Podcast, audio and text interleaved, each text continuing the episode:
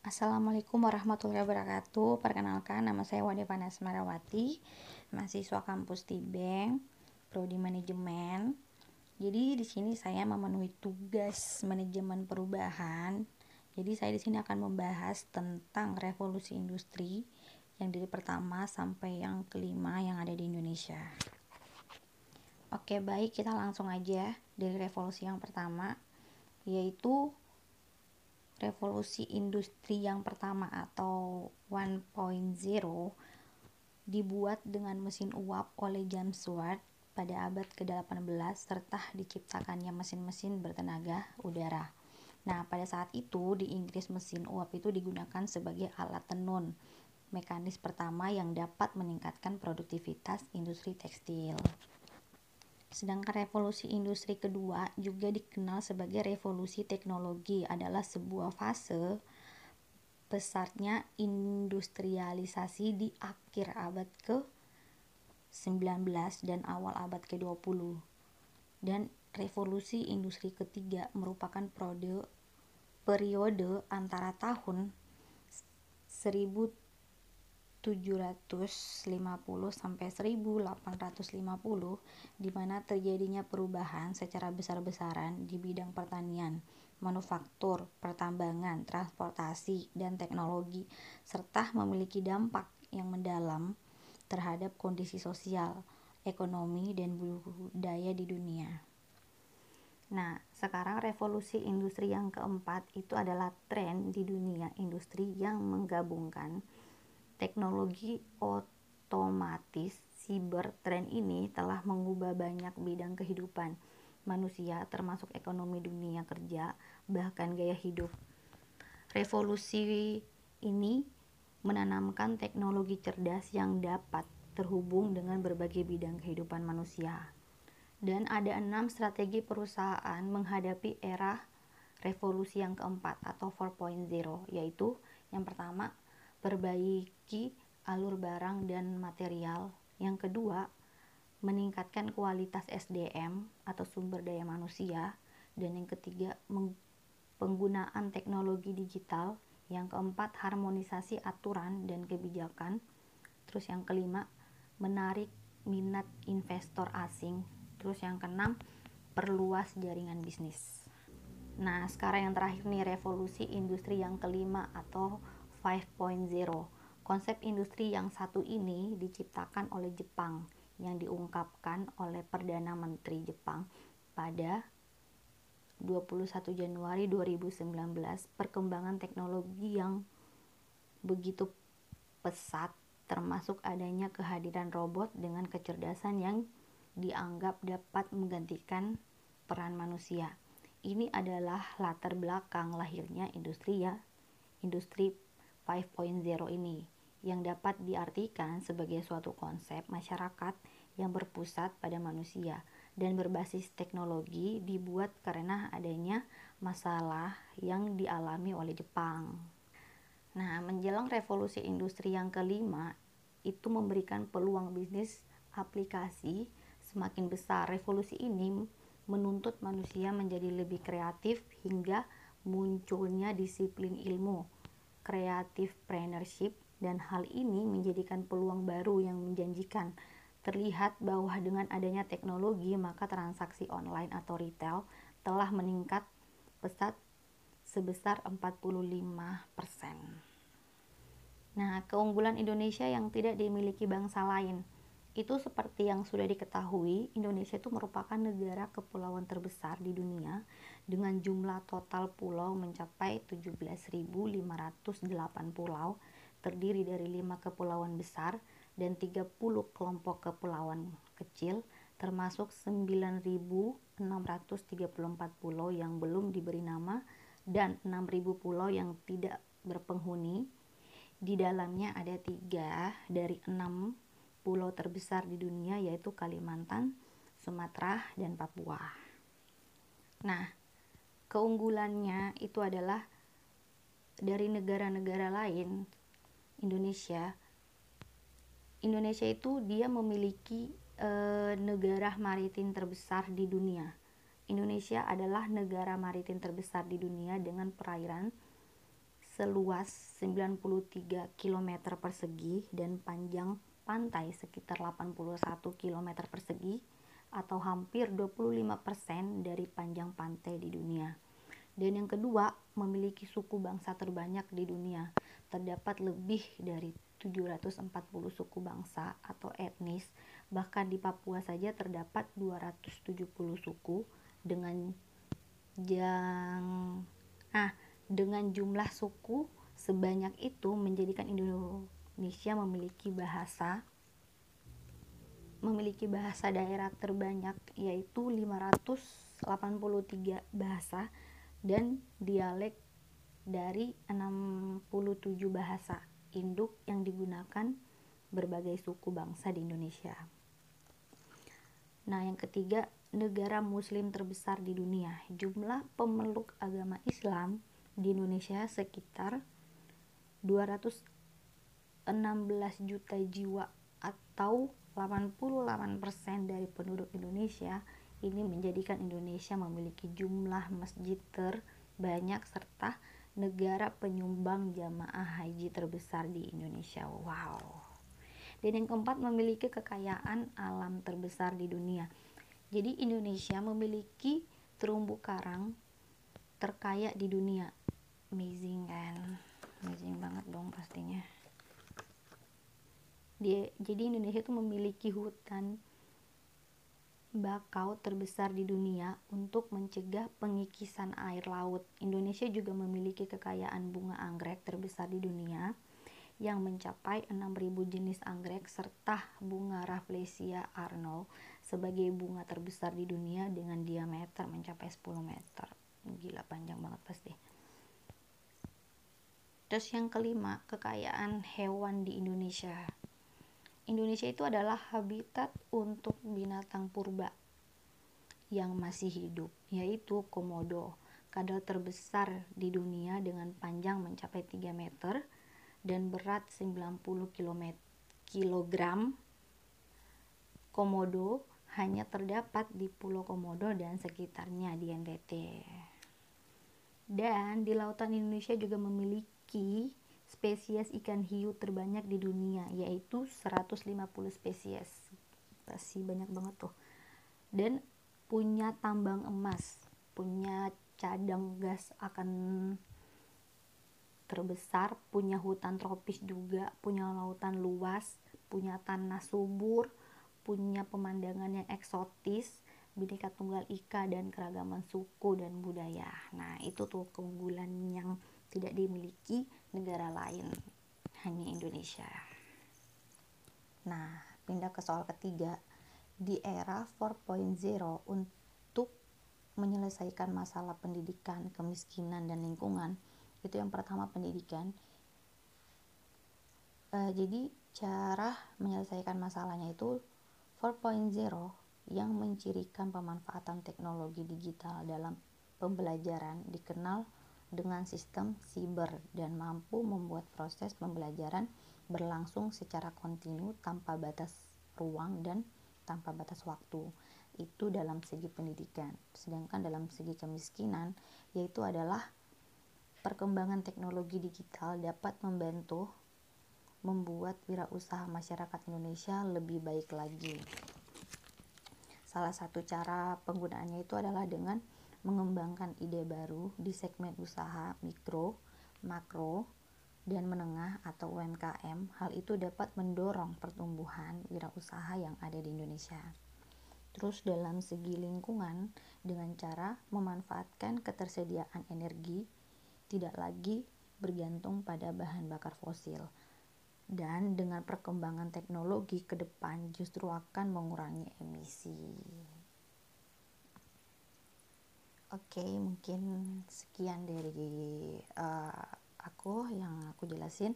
Mohon maaf kalau ada salah kata yang ada di dalamnya. Mohon dimaklumi. Uh, Oke, okay.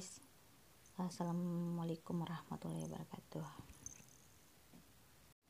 Assalamualaikum warahmatullahi wabarakatuh. Perkenalkan, nama saya Wade Panas Marawati, mahasiswa kampus Tibeng, prodi manajemen jadi di sini saya memenuhi tugas manajemen perubahan. Jadi saya di sini akan membahas tentang revolusi industri yang dari pertama sampai yang kelima yang ada di Indonesia. Oke, baik. Kita langsung aja dari revolusi yang pertama yaitu revolusi industri yang pertama atau 1.0 dibuat dengan mesin uap oleh James Watt pada abad ke-18 serta diciptakannya mesin-mesin bertenaga udara. Nah, pada saat itu di Inggris mesin uap itu digunakan sebagai alat tenun, mekanis pertama yang dapat meningkatkan produktivitas industri tekstil. Sedangkan revolusi industri kedua juga dikenal sebagai revolusi teknologi adalah sebuah fase besarnya industrialisasi di akhir abad ke-19 dan awal abad ke-20. Dan revolusi industri ketiga merupakan periode periode antara tahun 1750 sampai 1850 di mana terjadinya perubahan secara besar-besaran di bidang pertanian, manufaktur, pertambangan, transportasi, dan teknologi serta memiliki dampak yang mendalam terhadap kondisi sosial, ekonomi, dan budaya di dunia. Nah, sekarang revolusi industri yang keempat itu adalah tren di dunia industri yang menggabungkan teknologi otomatis siber. Tren ini telah mengubah banyak bidang kehidupan manusia termasuk ekonomi dunia kerja, bahkan gaya hidup. Revolusi ini menanamkan teknologi cerdas yang dapat terhubung dengan berbagai bidang kehidupan manusia. Dan ada enam strategi perusahaan menghadapi era revolusi yang keempat atau 4.0 yaitu yang pertama perbaiki alur barang dan material. Yang kedua meningkatkan kualitas SDM atau sumber daya manusia. Dan yang ketiga penggunaan teknologi digital yang keempat harmonisasi aturan dan kebijakan terus yang kelima menarik minat investor asing Terus yang keenam, perluas jaringan bisnis. Nah, sekarang yang terakhir nih revolusi industri yang kelima atau 5.0.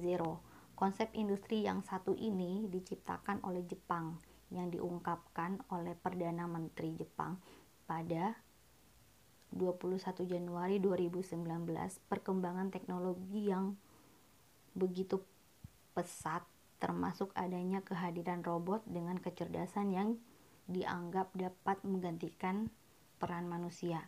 Ini adalah latar belakang lahirnya industri ya, industri 5.0 ini yang dapat diartikan sebagai suatu konsep masyarakat yang berpusat pada manusia dan berbasis teknologi dibuat karena adanya masalah yang dialami oleh Jepang.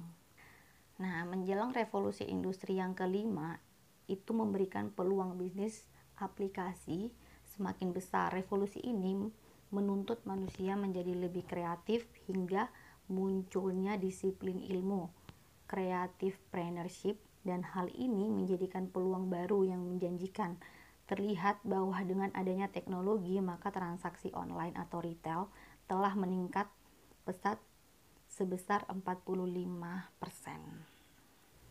Nah, keunggulan Indonesia yang tidak dimiliki bangsa lain – itu seperti yang sudah diketahui, Indonesia itu merupakan negara kepulauan terbesar di dunia dengan jumlah total pulau mencapai 17.508 pulau, terdiri dari 5 kepulauan besar dan 30 kelompok kepulauan kecil, termasuk 9.634 pulau yang belum diberi nama dan 6.000 pulau yang tidak berpenghuni. Di dalamnya ada tiga dari enam pulau terbesar di dunia yaitu Kalimantan, Sumatera, dan Papua.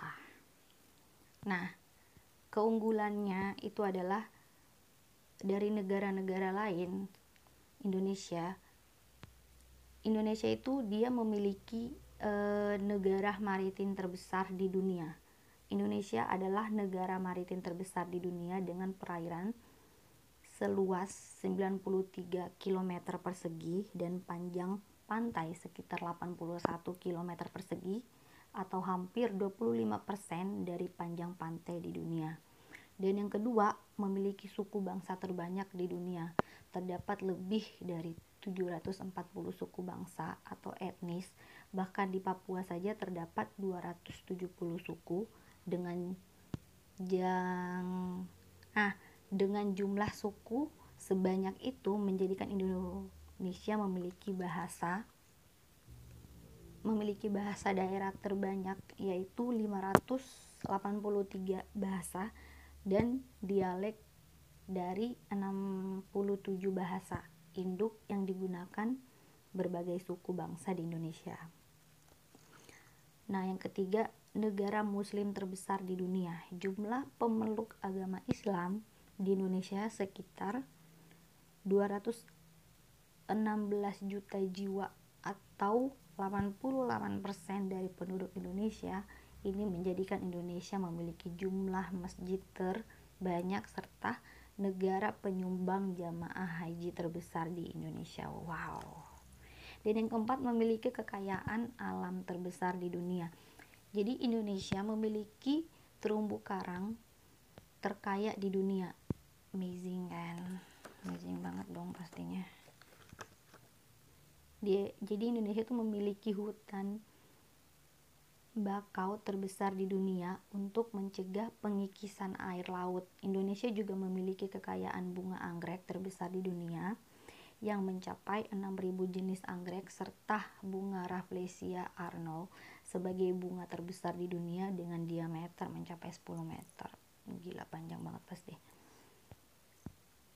Terus yang kelima, kekayaan hewan di Indonesia. Indonesia itu adalah habitat untuk binatang purba yang masih hidup, yaitu komodo, kadal terbesar di dunia dengan panjang mencapai 3 meter dan berat 90 km. kilogram. Komodo hanya terdapat di Pulau Komodo dan sekitarnya di NTT. Dan di lautan Indonesia juga memiliki spesies ikan hiu terbanyak di dunia yaitu 150 spesies. Masih banyak banget tuh.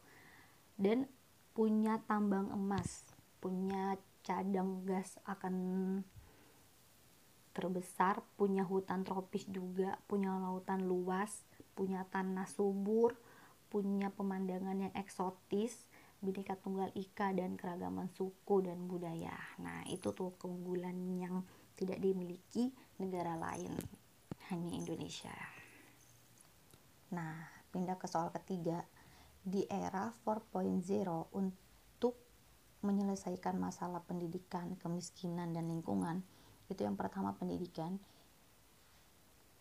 Uh, jadi cara menyelesaikan masalahnya itu 4.0 yang mencirikan pemanfaatan teknologi digital dalam pembelajaran dikenal dengan sistem siber dan mampu membuat proses pembelajaran berlangsung secara kontinu tanpa batas ruang dan tanpa batas waktu.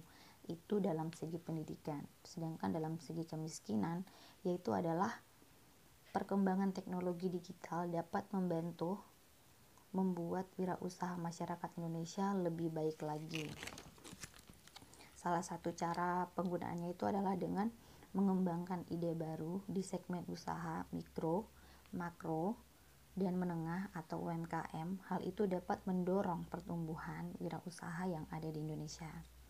Terus dalam segi lingkungan dengan cara memanfaatkan ketersediaan energi tidak lagi bergantung pada bahan bakar fosil.